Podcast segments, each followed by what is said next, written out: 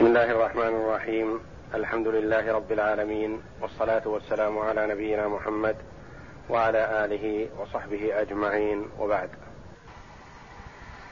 أعوذ بالله من الشيطان الرجيم. أسمع بهم وأبصر يوم يأتوننا لكن الظالمون اليوم في ضلال مبين.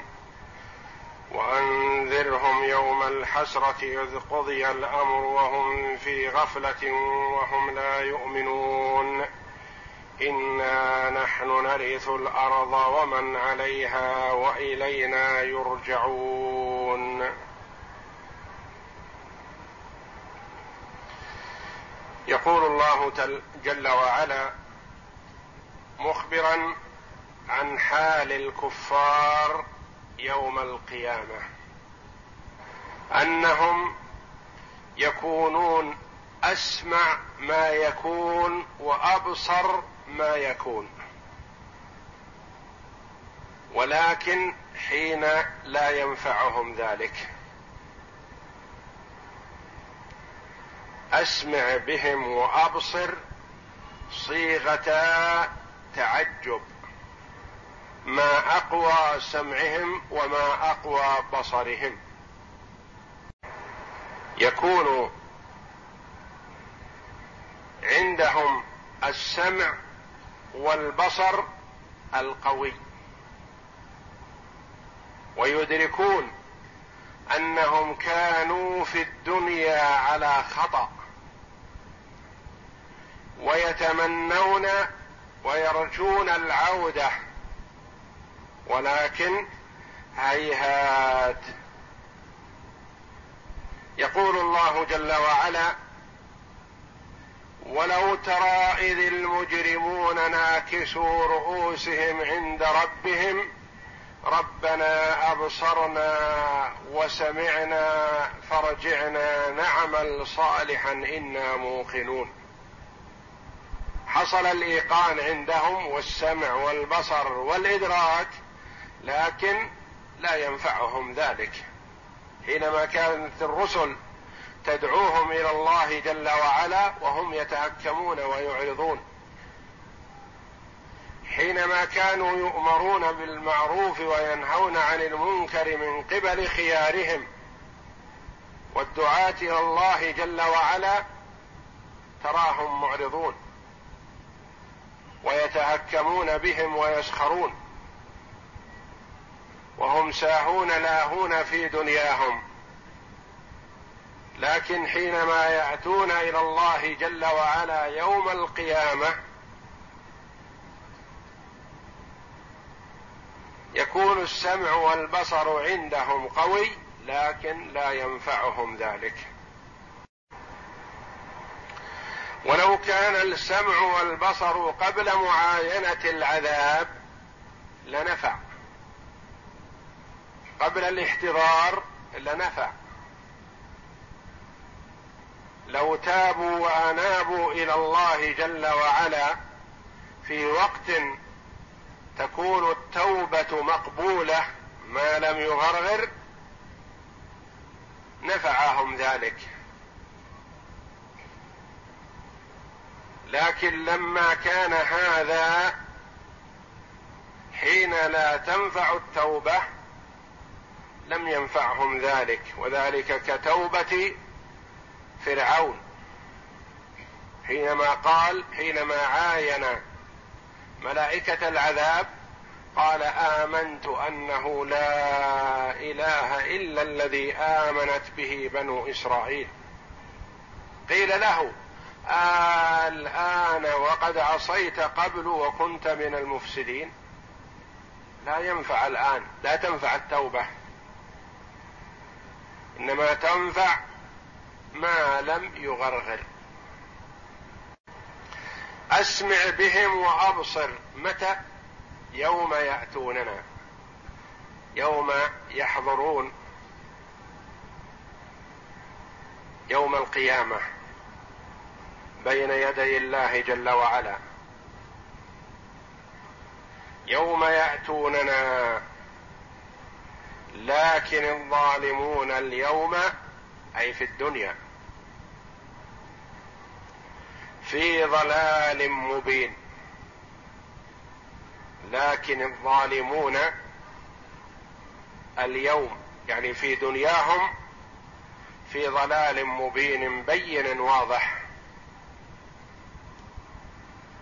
لكن الظالمون هنا جاء بالظاهر بدل المضمر. لكن الظالمون ولم يقل جل وعلا لكنهم اليوم في ضلال مبين.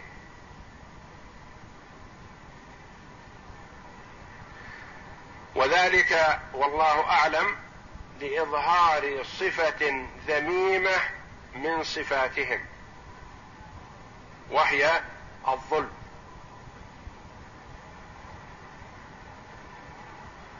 والكلام الأول في صفة الكفر.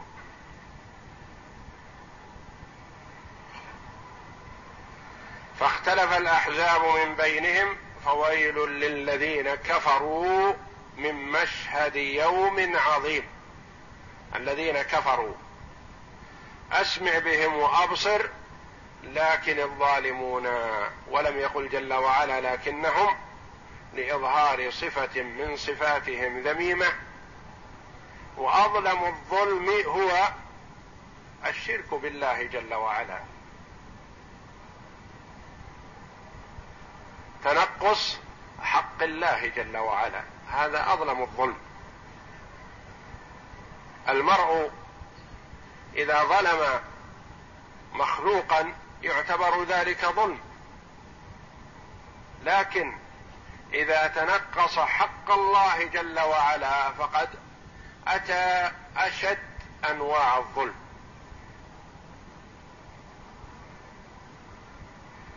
أظلم الظلم الشرك بالله.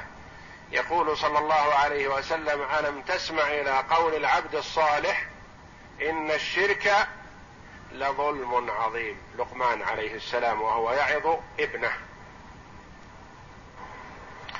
في ضلال مبين يعني بين واضح ظاهر لأنهم أعرضوا عما فيه نفعهم وسعادتهم. هم إذا أطاعوا الله جل وعلا وأطاعوا المرسلين نفعوا أنفسهم لأن الله جل وعلا لا تنفعه طاعة المطيع كما لا تضره معصية العاصي. وإنما طاعة المطيع تعود إلى نفسه بالخير والسعادة. ومعصية العاصي تعود إلى نفسه بالشقاء والبؤس والعذاب.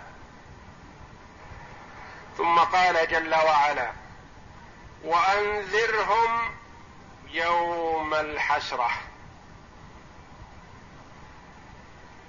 وأنذرهم خوفهم. أنذر كفار مكة وكل من سمع القرآن. خوفهم. يوم الحسرة. ما المراد بيوم الحسرة؟ يوم القيامة. يسمى يوم الحسرة ويوم القيامة. ويسمى القارعة والحاقة وغير ذلك من الأسماء. يقول النبي صلى الله عليه وسلم ما من أحد يموت إلا ندم. قالوا ما ندامته يا رسول الله؟ قال إن كان محسنا ندم الا يكون إزداد من الخير.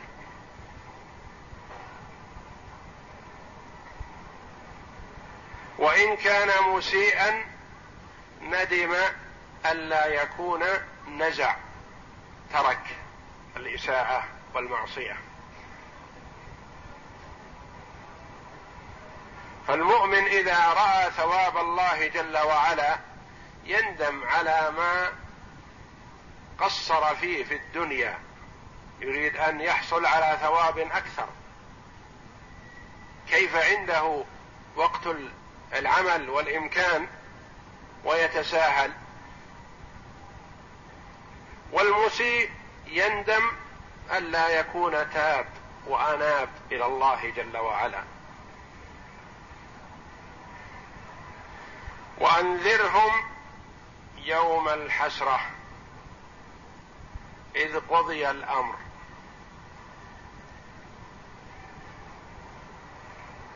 ذلك اليوم يقضى بين العباد. وأهل الطاعة والإيمان للجنة وأهل الشقاء والكفر إلى النار.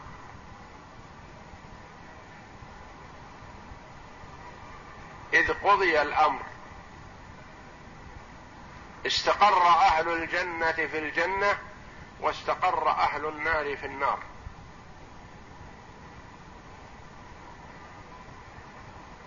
لأن من كان في الدنيا في حال لا ترضيه يتمنى ويامل تغير هذه الحال.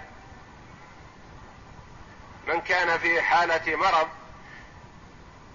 يرجو الشفاء في حال الفقر يامل الغنى في حال مضايقة وشدة يامل الانفراج. لكن في الدار الآخرة إذا استقر أهل الجنة في الجنة وأهل النار في النار يقضى الأمر. انتهي من كل شيء. إذ قضي الأمر. قال الإمام أحمد عن أبي سعيد قال قال رسول الله صلى الله عليه وسلم إذا دخل أهل الجنة الجنة وأهل النار النار يجاء بالموت كأنه كبش املح فيوقف بين الجنة والنار. فيقال يا أهل الجنة هل تعرفون هذا؟ قال فيشرئبون وينظرون ويقولون نعم هذا الموت. قال فيقال يا أهل النار هل تعرفون هذا؟ قال فيشرئبون وينظرون ويقولون نعم هذا الموت. قال فيؤمر به فيذبح. قال ويقال يا أهل الجنة خلود ولا موت ويا أهل النار خلود ولا موت. ثم قرأ رسول الله صلى الله عليه وسلم وأنذرهم يوم الحسرة إذ قضي الأمر وهم في غفلة وهم لا يؤمنون وأشار بيده ثم قال أهل الدنيا في غفلة الدنيا. هكذا رواه الإمام أحمد رحمه الله وقد أخرجه البخاري ومسلم في صحيحيهما من حديث الأعمش ولفظهما قريب من هذا.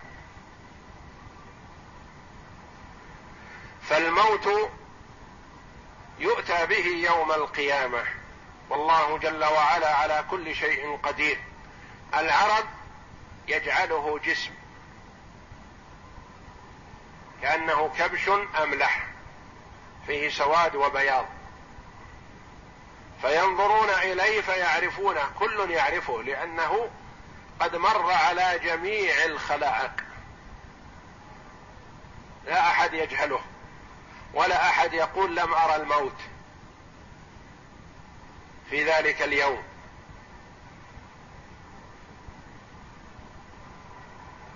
فإذا أوقف بينهم واطلع الجميع عليه ورد في بعض الألفاظ من كان في عليين أعلى الجنة ومن كان في أدنى الجنة ومن كان في ضحضاح من النار ومن كان في قعرها. كلهم ينظر إليه ويرونه. فإذا ذبح ازداد أهل الجنة فرحا إلى فرحهم وسرورا إلى سرورهم. واستبشروا وأيقنوا بأنها الحياة الأبدية. وازداد أهل النار بؤسا وضيقا وشدة وحزنا لأنهم في حالتهم يتمنون الموت كما قال الله جل وعلا ونادوا يا مالك ليقض علينا ربك قال إنكم ماكثون يتمنون الموت. ورد في بعض ألفاظ الحديث لو أن أحدا مات من شدة الفرح لمات أهل الجنة. من شدة فرحهم عند ذبح الموت. ولو أن أحدا مات من شدة الحزن لمات أهل النار لشدة حزنهم عندما يذبح الموت. إذ قضي الأمر وهم في غفلة. هم الآن في غفلة عن ما يراد بهم في المستقبل. غافلون ساهون لاهون في دنياهم وفي شهواتهم. والواو هنا تسمى واو الحال وهم في غفلة حال. وهم لا يؤمنون مثلها من حيث الإعراب. جملة مكونة من مبتدأ وخبر في محل نصب على الحال. وهم في غفلة عما أنذروا به يوم الحسرة والندامة. وهم لا يؤمنون أي لو قيل لهم ذلك في الدنيا وإذا قيل لهم لا يصدقون. ينكرون ذلك ويستبعدونه وهو واقع لا محالة. إنا نحن نرث الأرض ومن عليها وإلينا يرجعون. إنا الضمير يعود إلى الله جل وعلا المتكلم سبحانه وتعالى. ونحن تأكيد له. إنا نحن نرث الأرض. والله جل وعلا هو مالك الملك. سبحانه وتعالى. والأرض ومن فيها كلهم ملكه وعبيده. لكن في ذلك اليوم لا يوجد إلا الله جل وعلا. كل من على الدنيا ممن يملك أو يستأثر بشيء يفنى. وكما ورد في الحديث أن الله جل وعلا حينما يموت الخلائق كلهم ينادي لمن الملك اليوم فيجيب نفسه جل وعلا لله الواحد القهار. فهو جل وعلا هو الوارث هو الباقي. لأن المرء يرث مورثه في الدنيا لأنه يبقى بعده. يموت الأب فيرثه الابن. يموت الأخ فيرثه أخوه. فإذا مات الجميع الكل من الوارث؟ هو الله جل وعلا. لا يوجد في ذلك اليوم أحد يرث من مخلوق. سوى الله جل وعلا هو الباقي. الذي لا تأخذه سنة ولا نوم وهو الحي القيوم. إنا نحن نرث الأرض ومن عليها من على الأرض. كلهم يعودون إلى الله جل وعلا يفنون ثم يحيون جميعا بإذن الله تبارك وتعالى. ومن عليها وإلينا يرجعون. من هذه يعبر عنها بالعاقل وهي تشمل هنا العاقل وغير العاقل فأتي بما يصلح للعاقل تغليبا للعاقل وإلا فغير العاقل أكثر.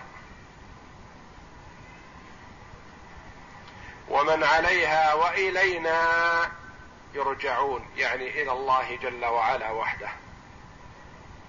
فالكل يرجع إلى الله جل وعلا